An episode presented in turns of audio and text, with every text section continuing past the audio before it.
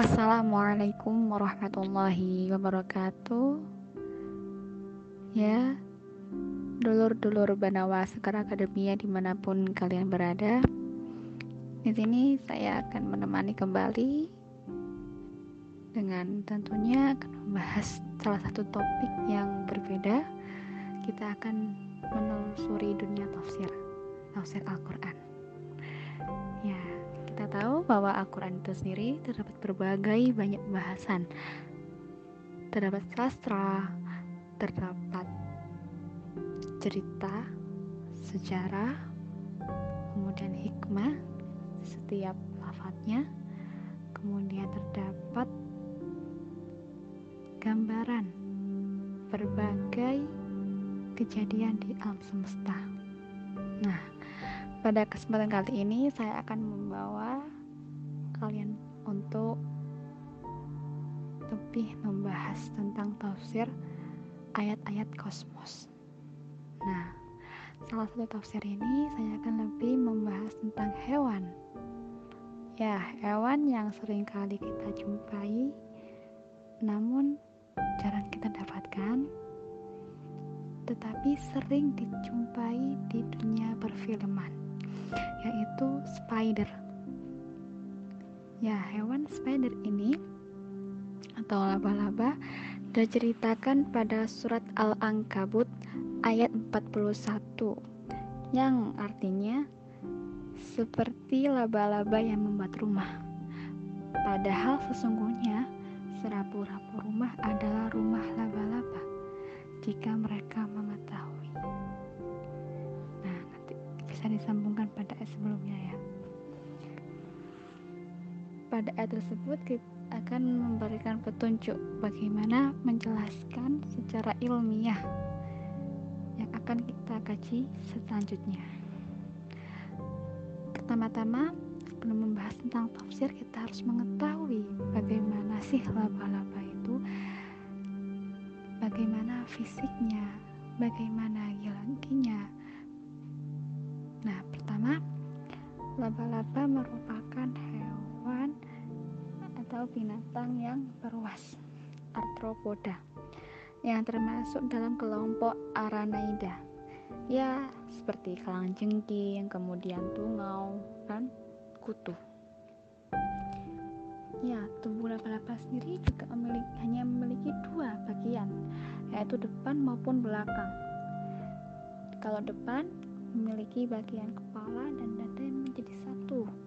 Kalau belakang, yaitu perut. Bagian depan sendiri terdapat empat pasang kaki dan sepasang tanduk, seperti bentuk penyepit. Wow. Dan penyepit ini terdapat cakar-cakaran yang memiliki kelenjar racun untuk melindungi dirinya dari musuh. Dari depan maupun belakang, di tengah-tengahnya ini terdapat pinggul yang kecil. Bagi yang belum tahu laba-laba, ternyata laba-laba ini memiliki delapan mata. Delapan mata yang kadang mereka memiliki semuanya dan kadang kurang dari delapan tersebut. Laba-laba merupakan binatang pemangsa yang memakan serangga atau insektivora. Nah, Hewan insektivora ini memiliki kulit yang relatif tebal dan ditutupi oleh bulu halus. Ya, sering kali juga mengalami pengelupasan hingga 8 kali sampai mencapai sempurna. Laba-laba sendiri jika kita lihat ya, ternyata dari penelitian terdapat 30.000 spesies yang ukurannya dari kurang dari 1 mm sampai 90 mm. Laba-laba merupakan hewan yang hidup di darat dan hidup secara individual, kecuali ketika mereka melakukan perkawinan maupun pada saat penetasan telur.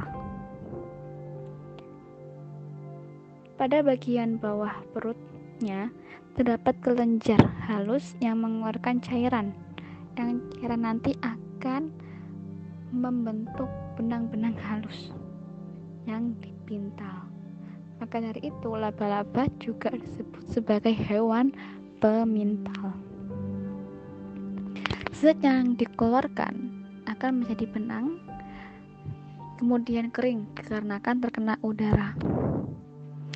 Nah, dari benang tersebut terdapat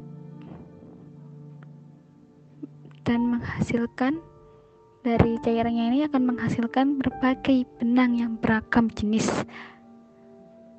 Ukuran dan ke kekuatan. Tergantung bagaimana mereka memproduksinya. Ini juga tergantung pada jenis-jenis laba-laba itu sendiri ya. Nah setelah kita mengetahui bagaimana laba-laba itu secara fisik kita akan lebih menelusuri sangat dalam yaitu mengenai tafsirannya. Yang pertama petunjuk ilmiah yaitu pada surat tersebut yaitu memberikan nama Al-Ankabut. Al-Ankabut jika diartikan secara lisan Arabi, Ankabut ini merupakan yang berakar dari kata angkabah yang diartikan sebagai binatang atau serangga kecil yang dapat meminta di atas awang-awang. Kata angkabut adalah bentuk tunggal feminin. Feminin yang jamaknya adalah anakib. Nah, mengapa surat tersebut dinamakan angkabut bukan anakib? Hal ini menunjukkan bahwa pola kehidupan binatang tersebut secara individual Beda lagi dengan anahel, lebah, dan anamal semut yang hidupnya secara berorganisasi atau berkelompok. Anahel maupun anamal merupakan jamak, makna jamak. Begitu. Jadi dari nama suratnya saja sudah menunjukkan pola kehidupan laba-laba. Yang kedua, pada firman Allah yang mengatakan yang membuat rumah ittahonat baita pada penggalan A tersebut jelaslah terdapat isyarat bahwa pada dasarnya yang bertugas membangun sarang adalah laba-laba betina. Nah, biasanya kalau kehidupan antara betina dan jantan ini yang lebih berat tugasnya adalah jantan. Namun berbeda dengan laba-laba Betinalah yang membuat rumah. Betinalah yang lebih besar membuat meminta rumah tersebut meskipun si jantan juga membantu. Begitu. Jadi ittakhodat ittakhodat baita. Mengapa kok mengapa ittakhodat lamirnya menggunakan nomir. Ittakhodat kepada perempuan. Hal ini menunjukkan bahwa laba-laba betinalah yang membuat rumah. Pernahkah kalian melihat bagaimana binatang laba-laba tersebut membuat rumah sendiri? Pasti pernah kan? Tapi apakah itu jantan apa betina? Nah, nanti kita akan lihat lagi ya. Kemudian yang ketiga, pada firman Allah yang mengatakan Padahal sesungguhnya serapu-rapu rumah adalah rumah laba-laba. Serapu-rapu rumah adalah rumahnya laba-laba. Hal ini mengindisi, mengindisi, mengindikasikan sejumlah fakta penting antara lain. Yang pertama, rumah laba-laba jika dilihat dari segi materi. Rumah tersebut dapat dikatakan paling rapuh karena tidak memenuhi rumah sehat. Yang pertama, benang atau benang pintalan yang dibuat oleh laba-laba merupakan benang sutra yang sangat halus dan saling melekat sesama sesamanya. Namun sering kali menyisakan celah yang lebar. Karena itu, rumah tersebut tidak melindungi dari cahaya kemudian dari udara dingin dan tidak dapat menahan air hujan dan lain sebagainya. maka sangat jelas jika rumah laba-laba ini dikatakan rumah yang paling rapuh. Namun demikian, meskipun rumah tersebut sarang tersebut tipis uh, dikatakan rapuh dan benangnya halus ini memiliki ketebalan rata-rata sebesar 1 per 1 juta inci persegi meskipun sangat halus namun kekuatannya lebih dari lima kali lipat kekuatan baja seperti halnya benang yang dipintal oleh laba-laba jenis Nepila. Nepila. Ini termasuk kelompok orb waver yang dianggap tiga kali lipat lebih kuat zat Kevlar dengan ukuran yang sama. Ya, bahkan dibandingkan dengan zat Kevlar. Zat Kevlar ini merupakan zat yang digunakan untuk membuat baju anti peluru sangat kuatnya sehingga tiga kali lipat dibandingkan zat Kevlar. Oleh sebab itu, sehelai benang laba-laba dianggap sebagai salah satu zat yang paling kuat di atas permukaan bumi. Karena sanggup menahan tarikan 42.000 kilo per cm persegi. Sehingga sangat bentur sekali ya. Hal ini dapat memberikan kemampuan untuk menjebak mangsanya tanpa terjadi kerobekan. Begitu. Jadi, maka dari itu Allah berfirman mengatakan bahwa rumah yang paling rapuh bukan benang yang paling rapuh. Nah, maka dari itu, rumah laba-laba memang merupakan rumah yang paling rapuh, meskipun benangnya amat kuat. Kemudian yang kedua, rumah laba-laba jika dilihat dari sudut konsep. Materi sudah, kemudian sekarang konsep. Bagaimana konsep yang dibuatnya? Ternyata rumah laba-laba ini kurang dari kasih sayang yang sebenarnya sebagai pilar setiap rumah. Mengapa? Karena ketika laba-laba betina dan laba-laba jantan ini setelah melakukan perkawinan, laba-laba betina sering kali memangsa yang jantan, kadangkali juga membunuhnya.